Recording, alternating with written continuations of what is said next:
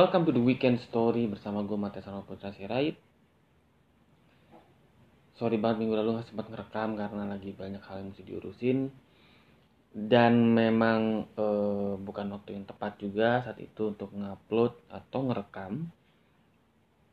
Tapi ya seperti gue bilang hari ini gue bakal eh, nge-share kalian satu topik yang seperti biasa, topik-topik mingguan yang membahas seputar hal-hal yang sedang terjadi di sekitar kita. Gua kemarin bikin polling kecil-kecilan sebagai bahan riset. Um, itu cukup banyak banget yang ngevote dan gua ingin mengucapkan terima kasih banyak buat siapa pun yang ngevote. Apa pun pilihan kalian, gue respect dan gue menghargai objektivitas hasilnya dan to be honest gue nggak ngevote di situ karena gue percaya bahwa objektif adalah ketika yang bikin survei itu juga, seharusnya juga tidak melakukan atau tidak ikut vote. Nah, gue hasil berapa vote ini akan gue bahas sih. Ini jadi tema, kenapa? Karena uh, setelah sekian banyak banyak sekali survei yang bermunculan terkait dengan perpolitikan kita gue merasa gue juga pengen juga sih bikin super kecil-kecilan siapa tahu eh, ke depannya bisa berprofesi sebagai surveyor. Apa ya namanya surveyor? Apalah lembaga survei itulah nggak ngerti namanya sebagai sampingan gue oke. Okay. survei apa sih yang dibuat ya gue bikin survei tentang pilpres. Kenapa pilpres lagi kenapa politik lagi karena sekarang udah resmi ham uh, kurang dari sebulan lagi kita akan menyelenggarakan pesta demokrasi yaitu pemilihan umum yang digabung secara serentak pemilihan legislatif dan juga pemilihan eksekutif. Dalam pertama kali dalam sejarah Indonesia, eh pertama kali nggak sih? Kayaknya enggak sih, tapi singkat gue. If I'm not recall, mungkin teman-teman ahli sejarah yang tahu mungkin bisa koreksi gue ini adalah pemilu serentak yang memilih semua secara bersamaan. Pertama kali di Indonesia, kalaupun salah berarti pertama kali selama gue hidup. Oke, okay. um, gue mau bahas yang general dulu dalam arti yang paling sering dikeluarkan oleh eh, lembaga-lembaga survei. Apa itu? Pertama, dan mengenai preferensi eh, pemilih. Sekarang kan untuk pemilihan presiden lo juga, cuma dihadapkan pada dua pilihan. Apakah itu memilih eh, calon pasangan 01 Jokowi dan Kiai Haji Ma'ruf Amin maupun pasangan 02 ada Prabowo Subianto dan Sandiaga Salahuddin Uno. Nah di hasil survei kecil-kecilan gue yang gue percaya dalam kapasitas yang kecil adalah survei yang benar karena di vote oleh akun yang real, tidak ada akun yang bodong-bodongan di sini. Sebenarnya sesuai dugaan bahwa tetap pasangan 01 unggul daripada pasangan 02. Tapi yang di luar dugaan gue adalah unggulnya jauh banget. Di followers gue atau siapa pun yang bisa nge-view story gue itu 01 mendapatkan 63 persen 02 mendapatkan 37 persen. Nah ketika hasil ini keluar ataupun ketika hasilnya di vote yang menarik adalah banyak banget orang-orang eh, yang membuat duluan membuat suatu pertahanan sifatnya. Andai kata jagoannya kalah. Misalkan satunya eh, ada mengatakan wah ini yang ngefollow kebanyakan pendukung 01 ya langsung DM ke gue. Atau ada yang mengatakan wah lu tendensius banget. Masa lu e, bikin begini tapi lu sebenarnya tidak akan memihak 01 juga gitu. Ya gue seperti dikatakan gue balik balik lagi balikin lagi bahwa ini adalah survei sifatnya objektif tidak mengarahkan satu opini tapi untuk melihat sebuah fakta apa yang berkembang di masyarakat Nah pemilih-pemilih atau follower gue itu kebanyakan ataupun siapa pun yang nge-vote yang gue lihat adalah kebanyakan milenial.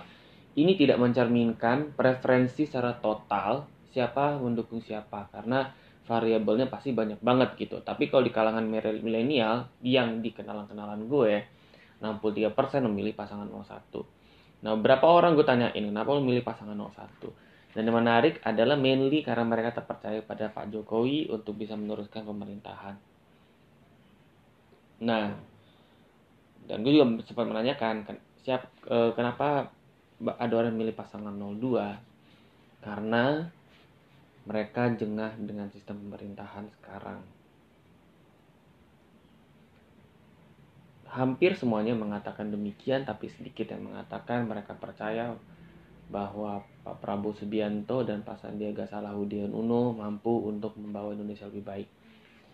Nah, yang menarik ketika satu gue tanya salah satu calon eh salah calon satu voter yang memilih nomor 2 mereka mengatakan gue memilih 02 karena simply nggak ada pilihan lagi dan gue sangat muak untuk menghabiskan lima tahun hidup gue lagi di uh, perintah lah di memberikan kepercayaan gue mandat gue kepada uh, eh, 01 atau Pak Jokowi meneruskan pemerintahan yang sekarang. Karena dia mengatakan banyak sekali kekurangannya either itu kebebasan berpendapat tidak lagi sebebas dulu lalu pasal karet ITE kenapa terus dibiarkan lalu dengan pelanggaran HAM kenapa dibiarkan Novel Baswedan apa kabar lalu juga kenapa kebijakan tuh sering kali seakan-akan main-main baru dikeluarkan tiba ditarik kembali seperti itu. Nah di hampir semua orang yang gue tanyain, yang gak semuanya gue tanyakan memang cukup beberapa orang saja yang gue percaya mampu memberikan pendapatan pendapat seobjektif mungkin itu bisa dilihat bahwa e, pemilih 02 memilih karena kekecewaan pada 01 yang berarti memang ini adalah satu PR kampanye bagi pasangan 01 untuk memastikan bahwa cara mereka menjaga pemerintahan sekarang tidak akan seugal-ugalan eh nanti anda kata jadi tidak seugal-ugalan yang sekarang. Karena ya gue rasakan juga memang banyak sekali kebijakan uh, yang tiba-tiba keluar tapi pun ditarik lagi. Seakan-akan kok jadi ke sana main-main. Eh, di bidang tempat gue kerja yang paling terasa adalah ketika mengenai DNI atau daftar negatif investasi. Jadi kalau teman-teman yang belum begitu paham, setiap kali ada orang asing yang membuat membuka suatu bidang, membuka suatu usaha dengan cara mendirikan e, perusahaan, itu memang ada persentase kepemilikan saham yang dibatasi oleh pemerintah. Yang mana andai kata persentase tersebut e, sorry orang asing itu memiliki atau saham lebih dari persentase yang diatur maka itu dilarang oleh e, pemerintah yang sanksinya adalah semua perizinan mengenai pendiriannya tidak akan diloloskan nah ini sebenarnya seharusnya keluar setiap 2 tahun sekali yang berarti 2018 kemarin harusnya sudah keluar faktanya sudah keluar tapi ditarik kembali DNI-nya. Yang berarti 2019 masih belum sampai sekarang belum ada peraturan DNI yang baru. Bagi gue ini satu hal yang sangat mengecewakan bagi gue ya karena kok kesannya eh, apa sih namanya kebijakan kok jadi kesannya kayak main-main gitu sesuai dengan apa yang pasar mau. Kayak mungkin ya nggak ada ketegasan mungkin tapi gue lebih tepatnya mengatakan hmm, mungkin ceroboh. Karena untuk yang hal seperti itu kenapa bisa keluar? Kalau anda kata internal pemerintah sendiri juga nggak yakin apakah itu bisa diterapkan atau enggak ataupun bisa diterima masyarakat atau enggak nah itu satu dari, dari uh, polling gue. Nah masuk ke polling kedua. Polling yang membuat gue cukup tak kaget. Dan ya sebenarnya nggak kaget banget sih. Gue juga menduga juga uh, ini juga akan terjadi ya. Nah polling kedua adalah siapa yang kampanyenya menurut lo semua lebih oke? Okay. nah 59% mengatakan cara kampanye 01 41% mengatakan cara kampanye 02 di prakteknya gue ngeliat karena gue cukup melek lah ya masifnya kampanye itu 02 muncul dari Agustus sampai Desember ya kayaknya masif banget. Dari media sosial nggak media sosial nggak begitu rame ya tapi yang rame itu justru dari eh, media-media uh, yang sifatnya real. Misalkan balihonya baik banget tuh 02 tuh di jalan saat itu dan sampai sini Januari sampai sekarang entah kenapa agak berkurang. Tapi mereka malah masifnya di media sosial. Gitu.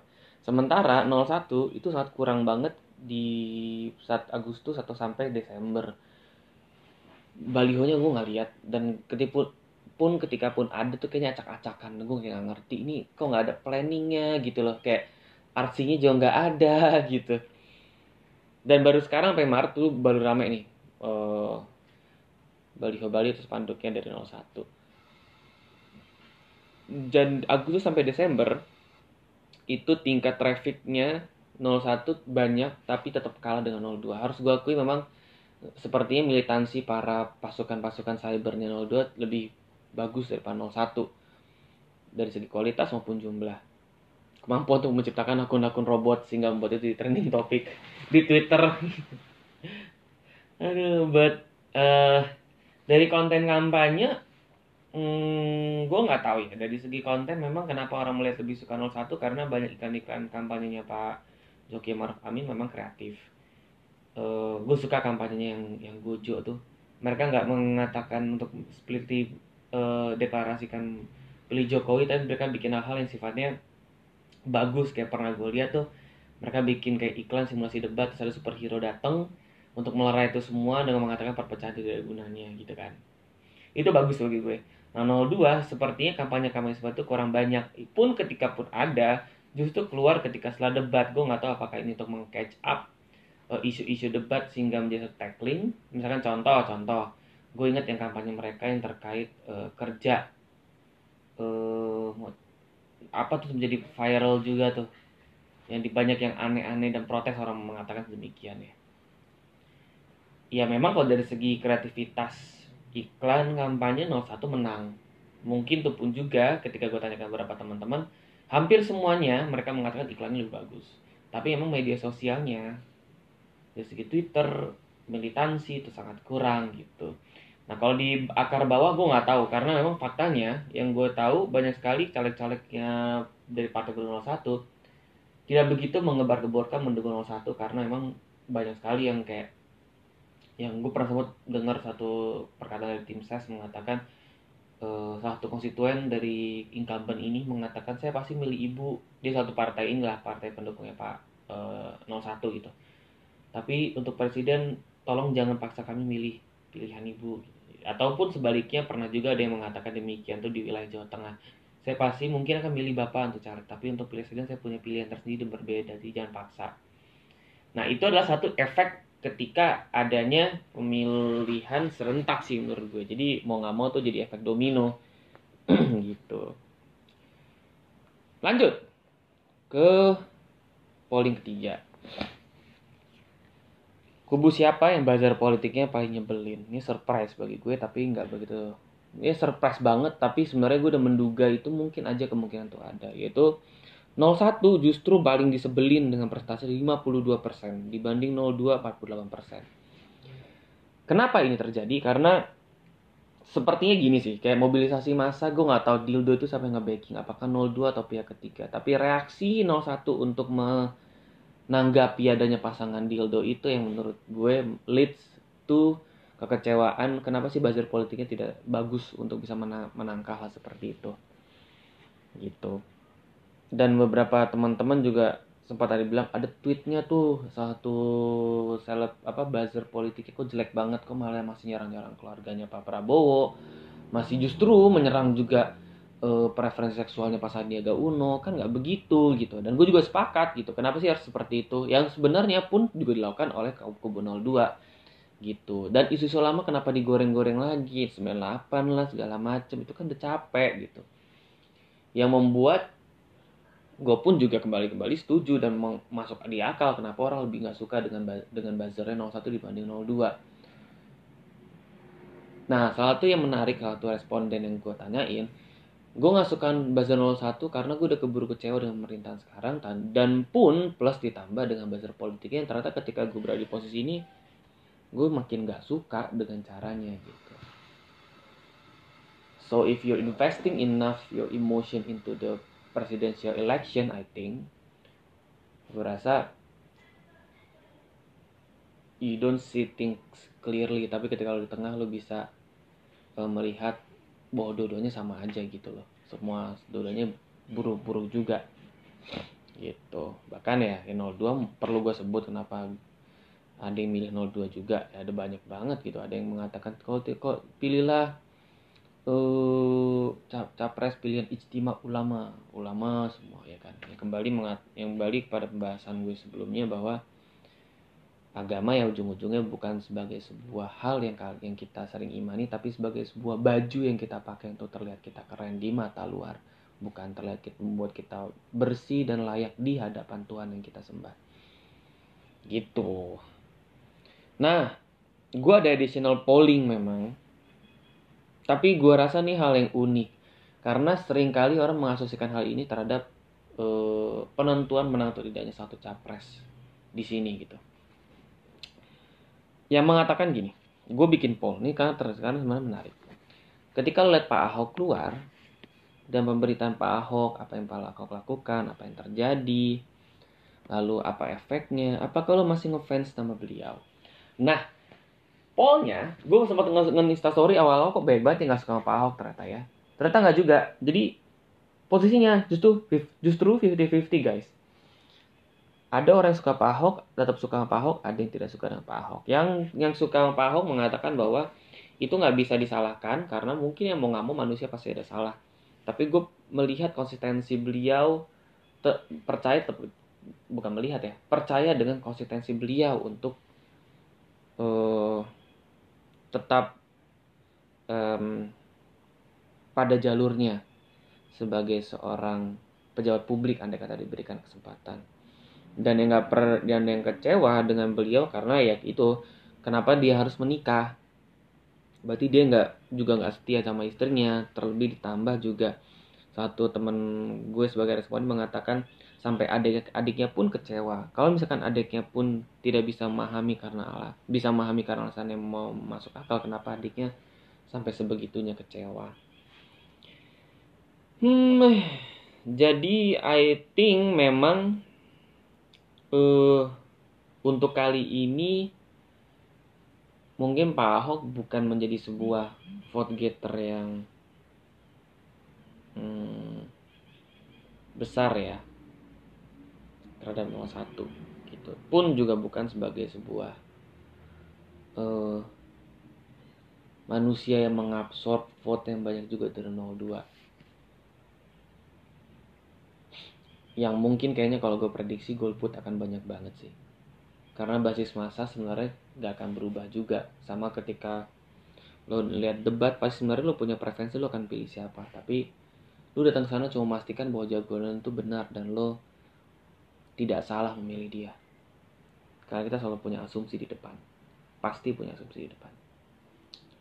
Oke sekian dari podcast gue minggu ini. Terima kasih. Sampai jumpa the next weekend story berikutnya. Bye bye